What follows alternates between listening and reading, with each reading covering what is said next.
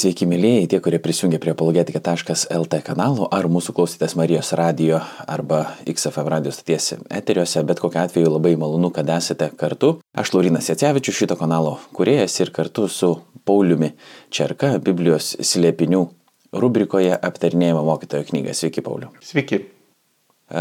Tiem, kurie nežinote, kaip mes visą tai darom, tai mes bandom skaityti po vieną skyrių, kartais užtrukdami ir porą laidų, nagrinėdami vieną skyrių. Taip nutiko du kartus, jei gerai pamenu. Bet dabar jau esame prie dešimtąjį mokytojo arba ekleziasto, dar kitaip žinomos kaip Koheleto knygos skyrių ir bandysim jį skaityti ir nagrinėti. Jeigu ką nors esat praleidę, užsukite apologetika.lt YouTube kanalą, jeigu čia jau esate, tiesiog paspauskit grojaraštį Biblijos slėpiniai ir pamatysit viską, ne tik išgirsit.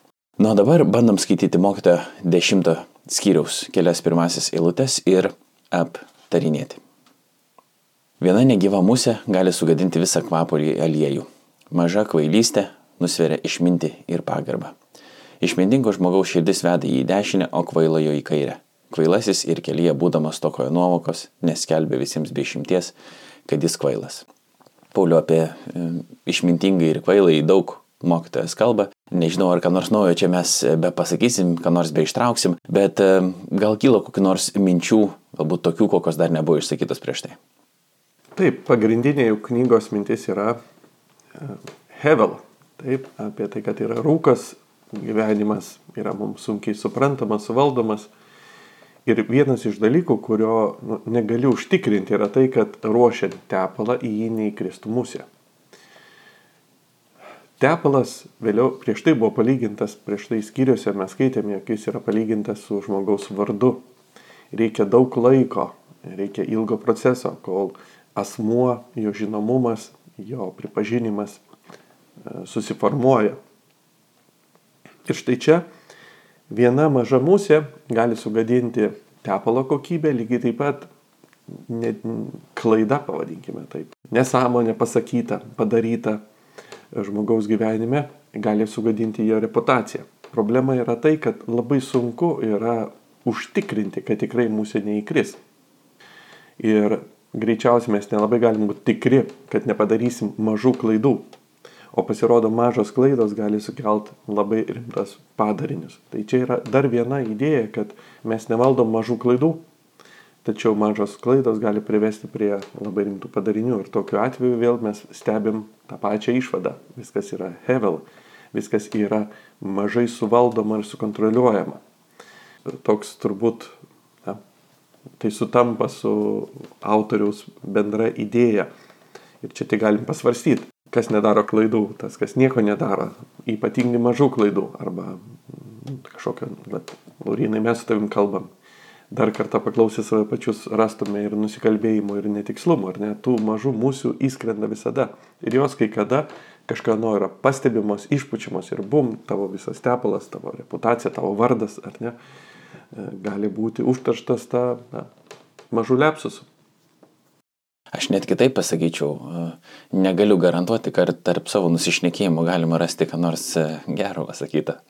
Ir dabar, pavyzdžiui, ko negalėjau sukontroliuoti, tai šuo pradėjo luoti dabar e, mano, bet jums galbūt nesigirdėjo, nežiūrėjau tuo metu į Paulių, bet teisingai, toks atrodo yra gyvenimas, kad visko sukontroliuoti negali, apie tai kalba ir mokytojas, ir mes turim panašią patarlę tai, kas skaitom pirm, pirmoje lūtį dešimtos skyriaus ir lietuviškai, ne, kad vien šaukštas deguto sugadina medaus statinę.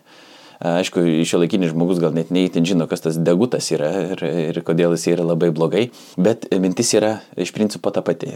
Galbūt galim trumpai dar aptarti trečios eilutės pabaigoje, kas yra pasakyta, kad um, kvailasis kelyje būdamas tokoja nuovokas, nes skelbė visiems be išimties, kad jis yra kvailas. Kitaip tariant, jis ne tik, kad yra kvailas, jisai dar ir judėdamas, eidamas per žmonės, tą savo kvailystę visiems ir parodo. Ir kitoje vietoje šventame rašte yra pasakyta, kad irgi, jeigu tas, tas kuris tyli, gali atrodyti irgi išmintingas, nes nepasako kažkokios nesąmonės. Tai kiek irgi dabar yra svarbu, iš principo gal netaip reikėtų klausti. Ar kvailas žmogus iš vis gali susivokti, kad jis yra kvailas ir neskelbti savo kvailybės? Ar jisai turi iš vis tokią galimybę? Tai atvirkščiai, reiškia, kvailas žmogus laiko save išmintingo, išmintingas žmogus e, abejoja savimi. Tai šiuo atveju to, taip reaguoja, kad principė, kaip tu žiūri į save, greičiausiai yra atvirkščiai. Čia galbūt įdomu yra padiskutuoti ir antroji lūtė apie dešinę ir kairę. Biblistai nėra, kad sutartų e, vienu choru, ką reikštų dešinė ir kairė, ir gal mes e, klausytojai atsimena iš kalno pamokslo, Jėzus pasakymą, kad tegul kairė nežino, ką daro tavo dešinė ir vis tik yra toks skirtumas kairė ir dešinė. E, gali būti, kad kairė kalba apie tokį savanaudišką veikimą, o dešinė nesavanaudišką veikimą.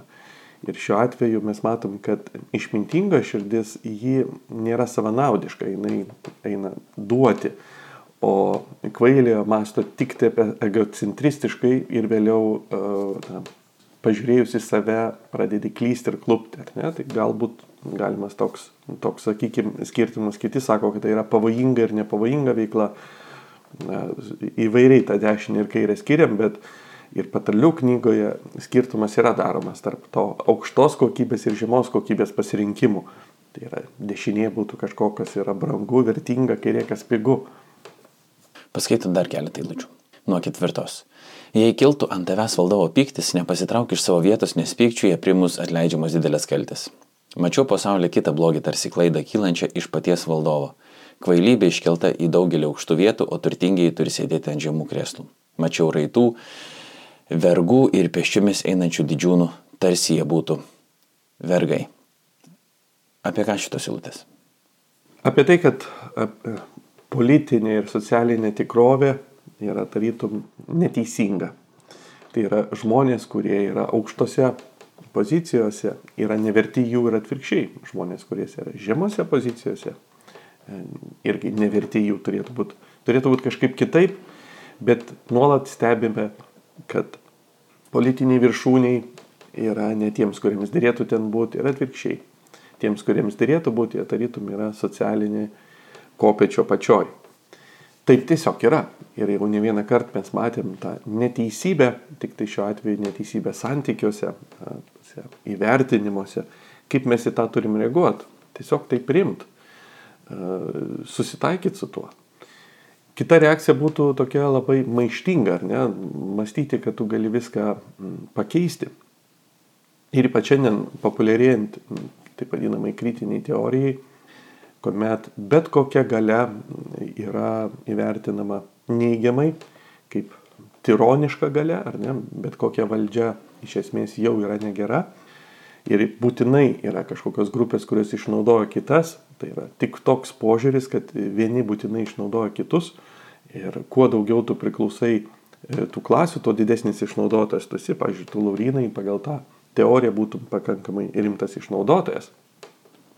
Nes tu baltasis, tu vyras, heteroseksualus, esi krikščionis, na, nežinau, dar galima būtų vardinti, reiškia, taip, ne, ne migrantas, taip, pilietis Lietuvos ir negyveni išlaikomas iš valstybės. Tai vis, tu esi labai, kaip čia pasakyti, didelis išnaudotojas, taip. Ir, ir tokiu atveju reikia tave užčiaupti. Ir, ir iš esmės va, tie kovojama yra prieš kultūrą, kurioje, na, ne va tai ir slypi būdas tokiems kaip tau, Lorinai, užlipti ir, ir, ir nurodinėti kitiems.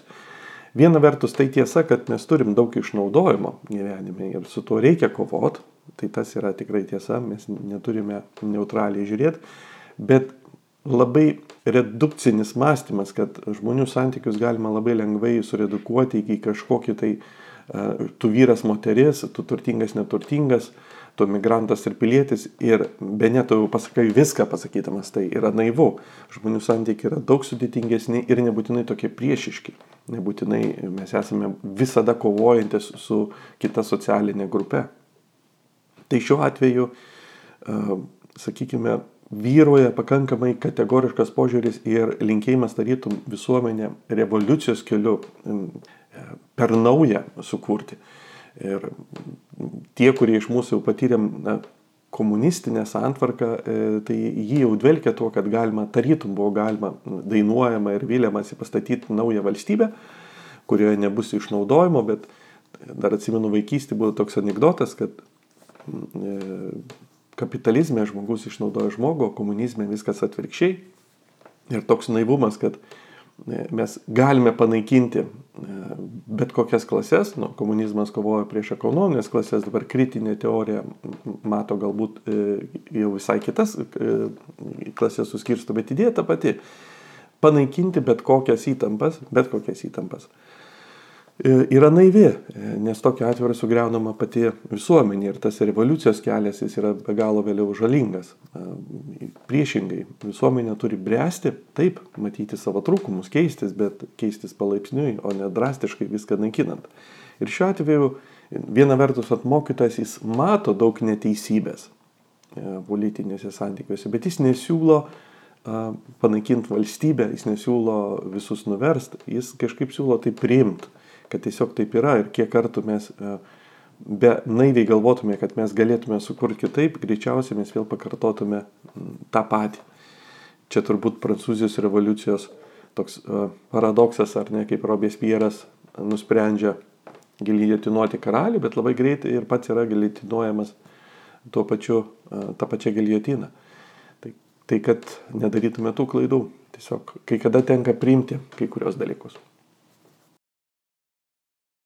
Galima čia trumpai pakalbėti apie žmogaus prigimtį, kas čia su mumis taip yra, kad mes visą laiką galvojam, kad e, kiti nieko nesupranta, mes jau suprantam tikrai ir mes padarysim geriau ir kaip niekam nešovė į galvą tai padaryti. Ir jeigu tu pradedi taip mąstyti, pamatai iš tikrųjų, kad istorijoje daug dalykų tokius, kokiu tu galvoji, jau yra galvota ir bandyta ir daryta ir kad nes jau toks ir ypatingas. Bet kažkaip mes taip esam linkę, net ir krikščionys yra taip linkę daryti ypatingai.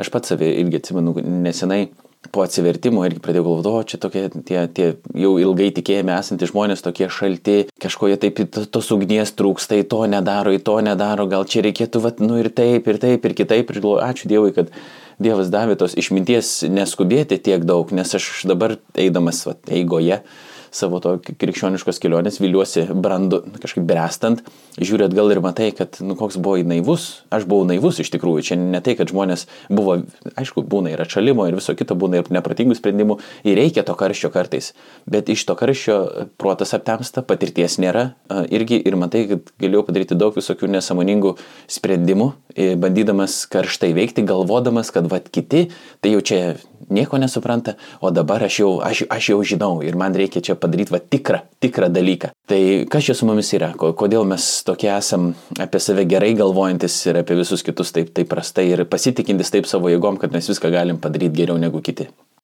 Apie tai visą knygą, Laurinai, mes jau skaitom, ar ne? Kad mes linkę matyti save teisėjais ir protingais labai. Kažkaip reikia mokintis dvėjoti savim.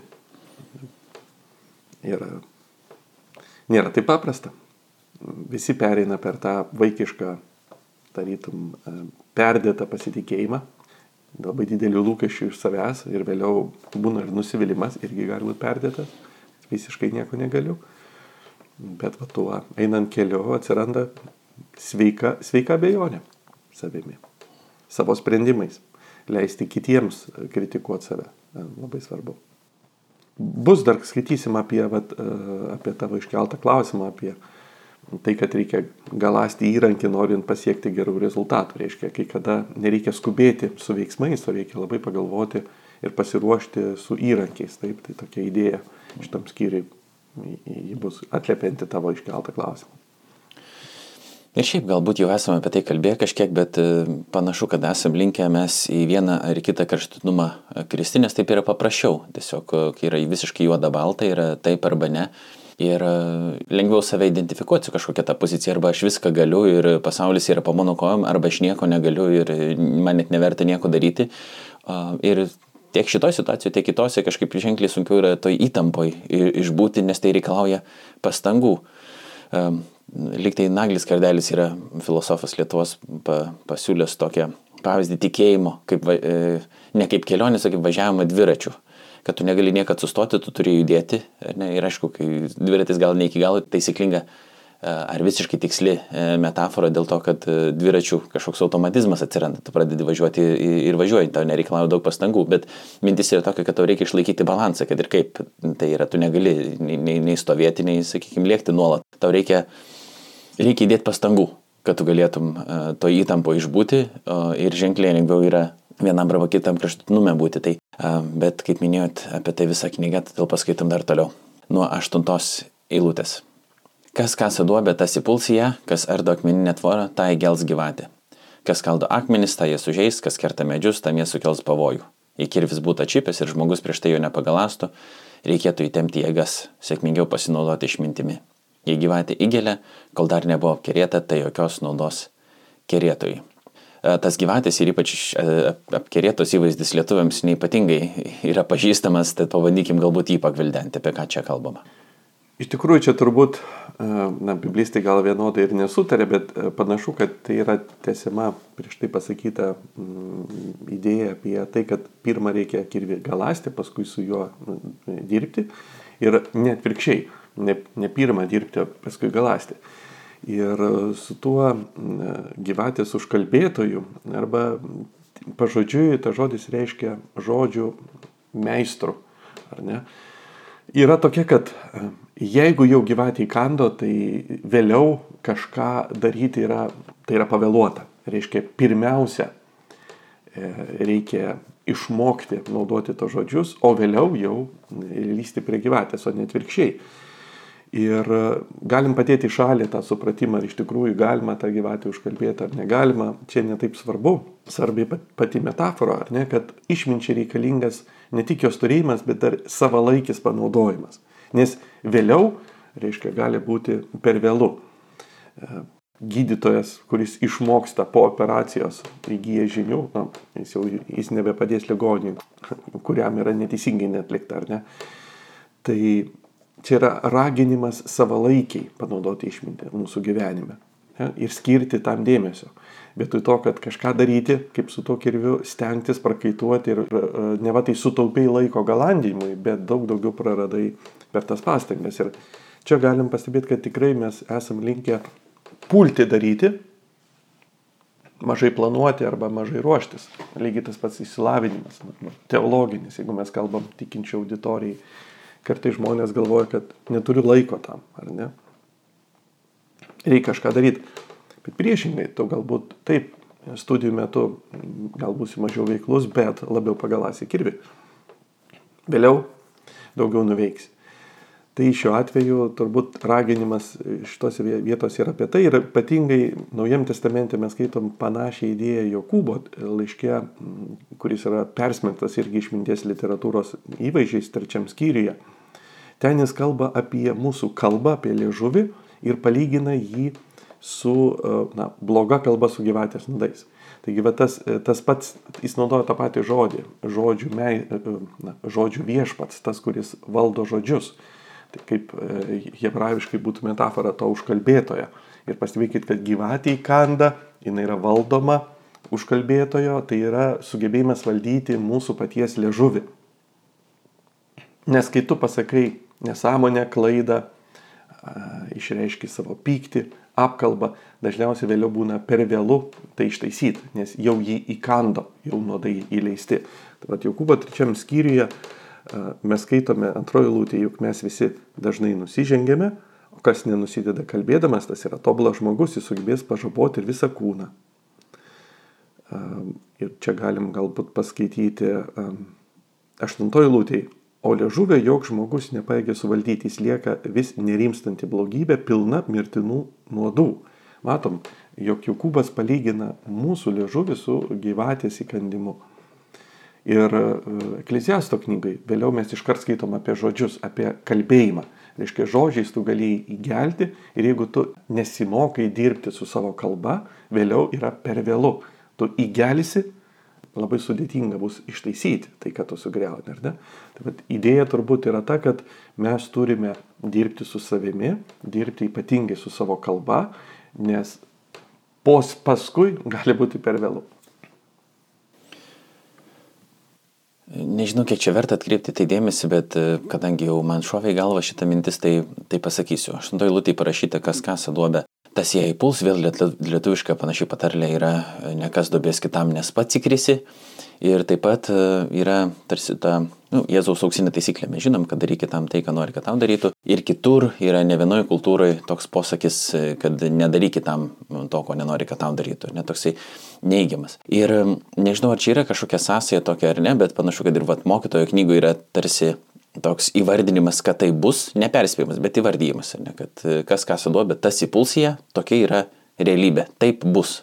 Um, ir O tas nekas dobės kitam, nes pats įkris yra tarsi perspėjimas toks remintis į naudą tam tikrą. Nedaryk taip, nes ir po to tau bus blogai. Ne?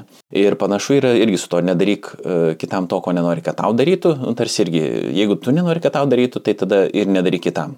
O Jėzus sako, daryk tam, daryk uh, kitam tai, ką nori, kad tau darytų. Tarsi toks yra kvietimas elgtis taip, nebūtinai dėl savo naudos, bet jeigu tau patinka, tai žinai, kad ir kitam patiks, tai daryk tarsi vardan, uh, vardan jo.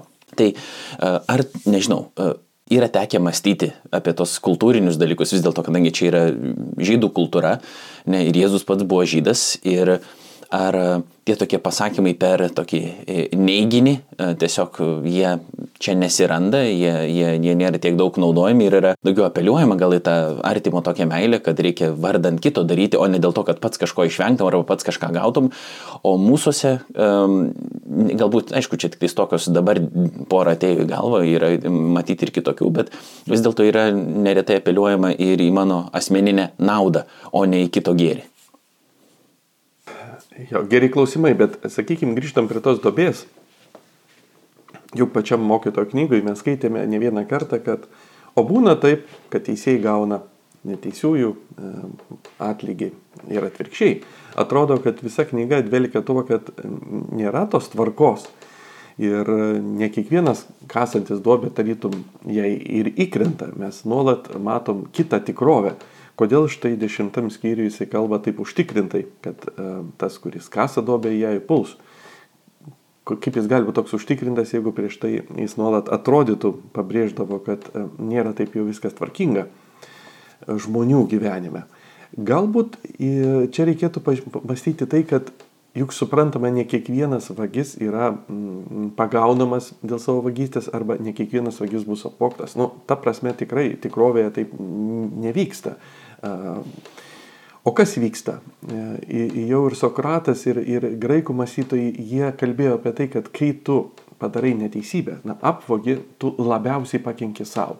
Taip, tu pakenki aukai, tu atimi iš jos materialinę gerovę, bet tu pažeidi savo vidų, tu tampi mažiau žmogumi.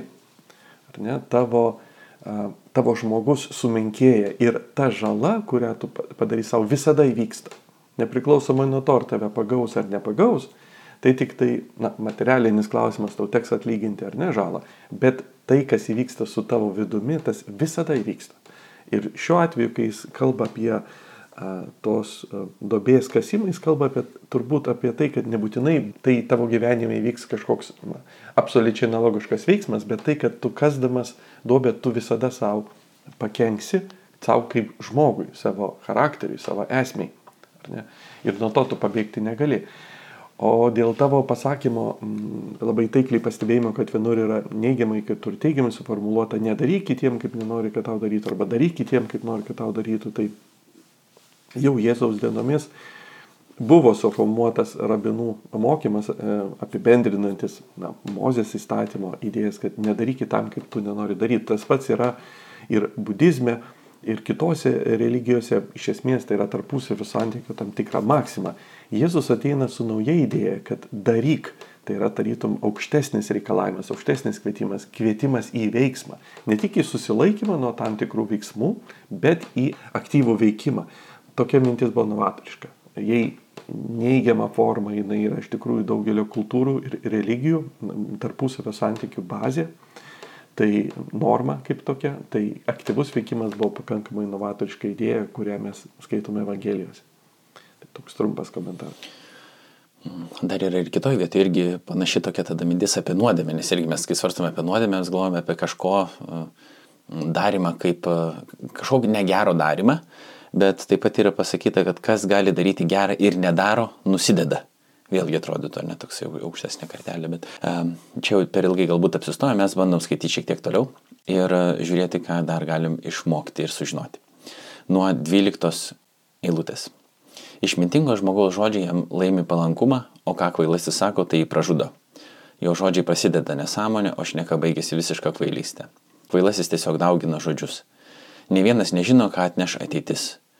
Kas gali ką nors jam pasakyti, kas įvyks po jo kvailojo triusas taip jį nuvargina, kad jis net nebežino, kaip nueiti į miestą.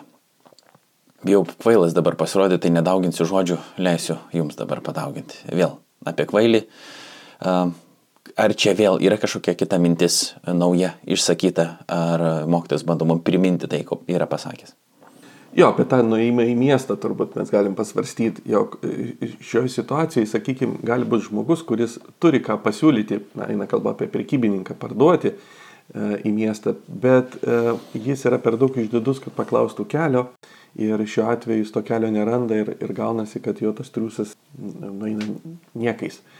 Kažkuria prasme tai yra mūsų ne iki galo išbaigtas veikimas, arba mes neperlipam per save pačius, mes nenusižeminam, nepripažįstam savo nežinojimo, nepaklausiam kelio ir atrodytų nedaug trūksta, ar ne? Bet vat, tu nenuini, nenuini iki galo, nenuneši to savo kūrinio, nepadarai to. Tai šiuo atveju tai yra parodyta, kad nepaisant to, kad tu gali kažką padaryti, bet va, tavo išdidumas neleidžia būti priklausomam nuo kitų ir elementarių dalykų gali nerasti. Į miestą kelią tarytum visi turėtų sugebėti surasti, bet to veiklumo trūksta ir išdidumos kiša koja. Tai galbūt toks vat, vaizdinys to nenueinančio iki miesto, nors turinčio gerų idėjų, bet taip ir neįgyvendinančio jų.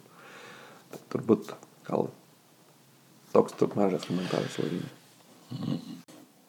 Iš esmės dabar aš kaip mąstau apie šiaip mokytojo knygą ir apie šitas konkrečiai lūtes, ką bandau taip įsisamoninti, matyt, kadangi tiek daug yra kalbama apie tą kvailai ir apie išmintingai, panašu, kad teks labai stipriai su savimi dirbti, kad atpažinti, kur aš čia dabar esu jau pasidavęs kvailystiai. Ir tada save vertinti, mm, nu, kaip abejoti savimi. Kaip nesakėt, Pauliu, ne iki kažkokio kraštutinumo, kad dabar esu suparališuotas ir viską bijau daryti, ar bet ką bijau daryti, bet e, pažiūrėti, ar iš tiesų kažkur galvodamas, kad aš esu išmintingas, galbūt aš e, elgiuosi kaip tas kvailys ir to nepastebiu. Ir e, mokytojo knyga iš tikrųjų meta tokį iššūkį e, kiekvienam iš mūsų, e, matyt, mąstyti, e, mąstyti apie tai ir tai yra pakankamai skaudu, nes niekas nenori būti nei kvailas, nei niekas nenori būti neteisus, ypatingai kai iškyla koks nors konfliktas tarp žmonių šeimoje, ar tarp šeimų, tarp draugų, ar valstybei. Visi nori būti teisūs, o po to, kai pamato, kad yra neteisus, bijo prisipažinti ir dar labiau savo kulnus, kaip sakyti, kas į žemę įsispiria, dėl to, kad jeigu pripažinsi, tai reiškia suklydai, tave gali kitas, kaip sakyti, su triuškinti, dar labiau, kaip sakyti, sumurdyti ir galbūt tavo reputaciją taip sugadinti.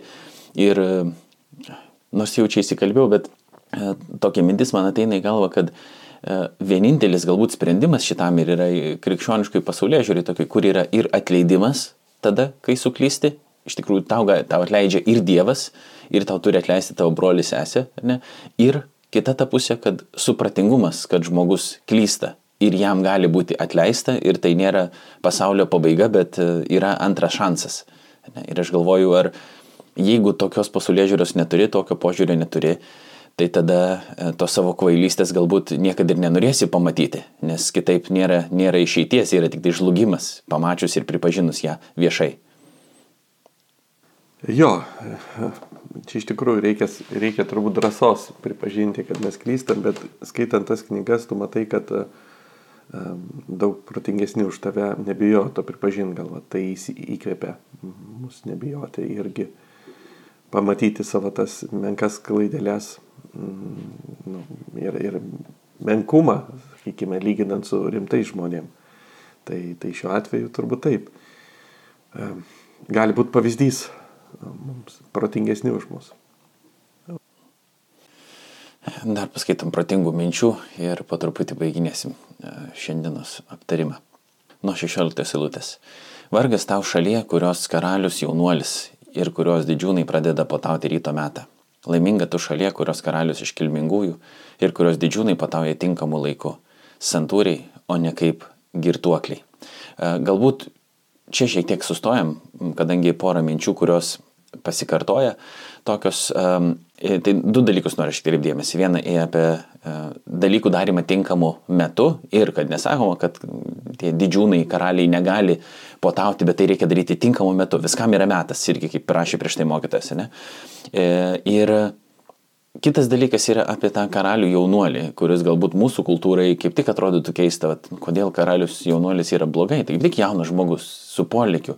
Dabar čia nesenai mačiau irgi socialinėse medijose, kad yra mm, teikiami tokie siūlymai leisti balsuoti jaunuoliams nuo 16 metų, ne nuo 18, nes jie turi dalyvauti valstybės valdyme, jie turi balsą, ką pasakyti. Ir nežinau, ką mokytojas kaip galvotų apie šitą, apie šitą pasiūlymą. Ir ar jaunas amžius būtinai yra problema. Ar vis dėlto tas jaunumas čia reiškia kažką kitą? Jo, savaime aišku, jis negali reikšti problemos, mes rastume ir išimčių, taip, bet pati idėja yra brandos klausimas, taip. Brandos ir, kaip tu taikliai pastebėjai, e, lygiai taip pat ir to džiaugsmo kelimas. Jei girtuokliai paprastai jau iš ryto e, gali, gali jau džiaugtis diena, tai, tai kiti žmonės e, kelia šventę tada, kai yra kažką nuveikę. Taip, tai pirma darbas, paskui poilsis. Ir tam tikras vad brandumas, jis akivaizdžiai mes jaučiame to valdymo kokybę. Ir ne, e, jei valstybė yra na, puoselėjimos e, viena vad kultūra ar kita, tu iš karto gali pajausti rezultatus. Ir dažnai išminties literatūra, kai kalbam apie tuos vadovus, kunigaikščius ir valdymo meną, Tai ne tik norima patarti, kaip reiktų elgtis na, politiškai valstybė, bet kalbama kiekvienam žmogui, jog mes taip pat valdome save pačius. Mes irgi esame savo gyvenimo tam tikri, prasme, nu, kunigaikščiai ir turime išmokti įvaldyti. Ir jeigu savo gyvenime mes na, tik potaujame, pasakoja, ar yra žiogelis ir skrusdėlė, ar ne, jeigu mes anksčiau laiko švenčiame, gali būti, kad mes turėsim tos prastus rezultatus. Ir vėliau mes kalbėsim, matysim, kad patalės e, kalba apie jau tingėjimo padarytą žalą, neveiklumo žalą, o čia nebrandumo žalą.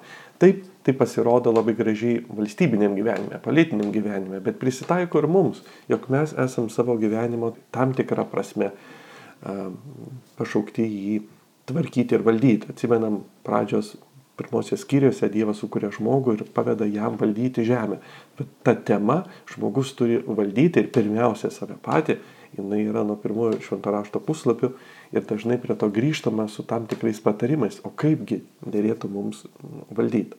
Tai šiuo atveju mes gauname, gauname patarimus, iš tikrųjų kaip rimtai žiūrėti ne, ne tik į valstybės politinį gyvenimą, bet pirmiausiai į savo moralinį vidinį gyvenimą. Baigiam skaityti skyrių. Nuo 18 eilutės. Dėl tingumo įlinksta sijos, dėl tingių rankų prilaša į trobą. Po tą keliamą pramogai vynas daro gyvenimą linksmesnį ir pinigai viskam naudingi. Net tarp savo artimųjų neniekink karaliaus, net savo mėgamajame nekeik turtuolio, nes padangių paukščiai gali nunešti tavo balsą, sparnuotis gali pasakyti, ką tu sakėjai. Atrodo, trys skirtingos mintis, pabandykim jas e, trumpai aptarti, pradėdami e, chronologiškai šėlės. Dėl tingumo įlinksta sijos, dėl tingių rankų prilašai trobą. Ar čia ir yra tokia paprasta tiesiog mintis, kad jeigu nori, kad um, išvengtum kokios nors žalos ir savo žalos, tau tiesiog nereikia apsileisti. Tau reikia dirbti, prižiūrėti, būdėti ir žinoti, kaip sutvarkyti tos dalykus dar prieš jiems atsitinkant. Nu, iš principo, versle kartais sakome, jeigu tu stovi, tu jau atsilieki, ar ne? Nes vi, viskas juda. Tai panašiai yra ir čia, kad neužtenka nieko nedaryti, neužtenka negadinti. Vien nedarimas sukels tą apsileidimą, kuris sukels žalą. Tai taip pat ir moraliniam gyvenime. Jeigu mes nieko nedarome, mes jau linkstame, ar ne? Mes turime judėti į priekį. Tas nieko nedarimas arba tingėjimas, jis daro žalą. Va. Antroji lūtė e, tema yra apie tą puotą ir vyną. Ir pinigus, na, iš tikrųjų daug egzegetai turi pateikę įvairių aiškinimų, kaip ją skaityti. E, gal pateiksiu vieną iš tų, kad e, jeigu mes kalbėtume apie linksmumą, tai mes tai galim nupirkti už pinigus. Bet jeigu mes kalbam apie pasitenkinimą, ir šitoj knygoje atsimenat, jis kalba, kad diev, tai yra Dievo dovana valgyti ir gerti ir būti patenkintų, tai šito nenusipirksi už pinigus. Puotą gali nusipirkti, o pasitenkinimą mažu ne. Tai yra Dievo dovana, kurios mes galim trokšti, nu, sąmoningai jos norėti, suvokti, kad jinai yra vertinga, bet tai nėra tiesiog linksmumas. links, linksmybę gali nusipirkti, bet reikia tik pinigų. O pasitenkinimas yra šiek tiek gilesnis dalykas. Tai skirtumas tarp tų dviejų. Va, o paskutiniai eilutėj labai įdomi mintis yra apie tuos šnipus paukščius. E, yra rabinistiniai aiškinimai, kad čia kalba apie angelus, kiti sako, kad tai žmogaus siela, kuri teismo dieną viską papasakos, kaip tas paukštis e, Dievui ir kitiems, ar ne, ką tu mąstai ir ką tu galvoji ir tokiu atveju. E, taip buvo žiūrima šitą eilutę. Na, idėja yra tokia, kad na, sienos turi ausis, tu nežinai na, politiniam gyvenime, kas gali nugirsti tavo mintis ir kaip tu gali nuo to nukentėti. Nu, tokia yra idėja, bet iš principo tas perkeliama yra ir tarp mūsų ir Dievo kaip karaliaus, ar ne, kad iš principo mūsų mintis Dievui yra žinomos. Vienaip ar kitaip, ar tai mūsų siela ar angelai, ar, ar koks tas mechanizmas bebūtų, netaip svarbu, svarbi pati idėja yra. Ačiū Pauliu, ačiū visiems, kurie buvote esate, vėliaus ir busite kartu su mumis, jei ką nors esate praleidę, kaip minėjau, apologetikė.lt YouTube kanale, grojaraštis Biblijos slėpiniai, ten rasit visas iki šiol buvusias laidas, na, mums liko vos porą skyrių ir užbaigsime mokytojo knygos aptarimą. Dar kartą dėkoju visiems, iki kitų susitikimų ir sudėv. Sudėv.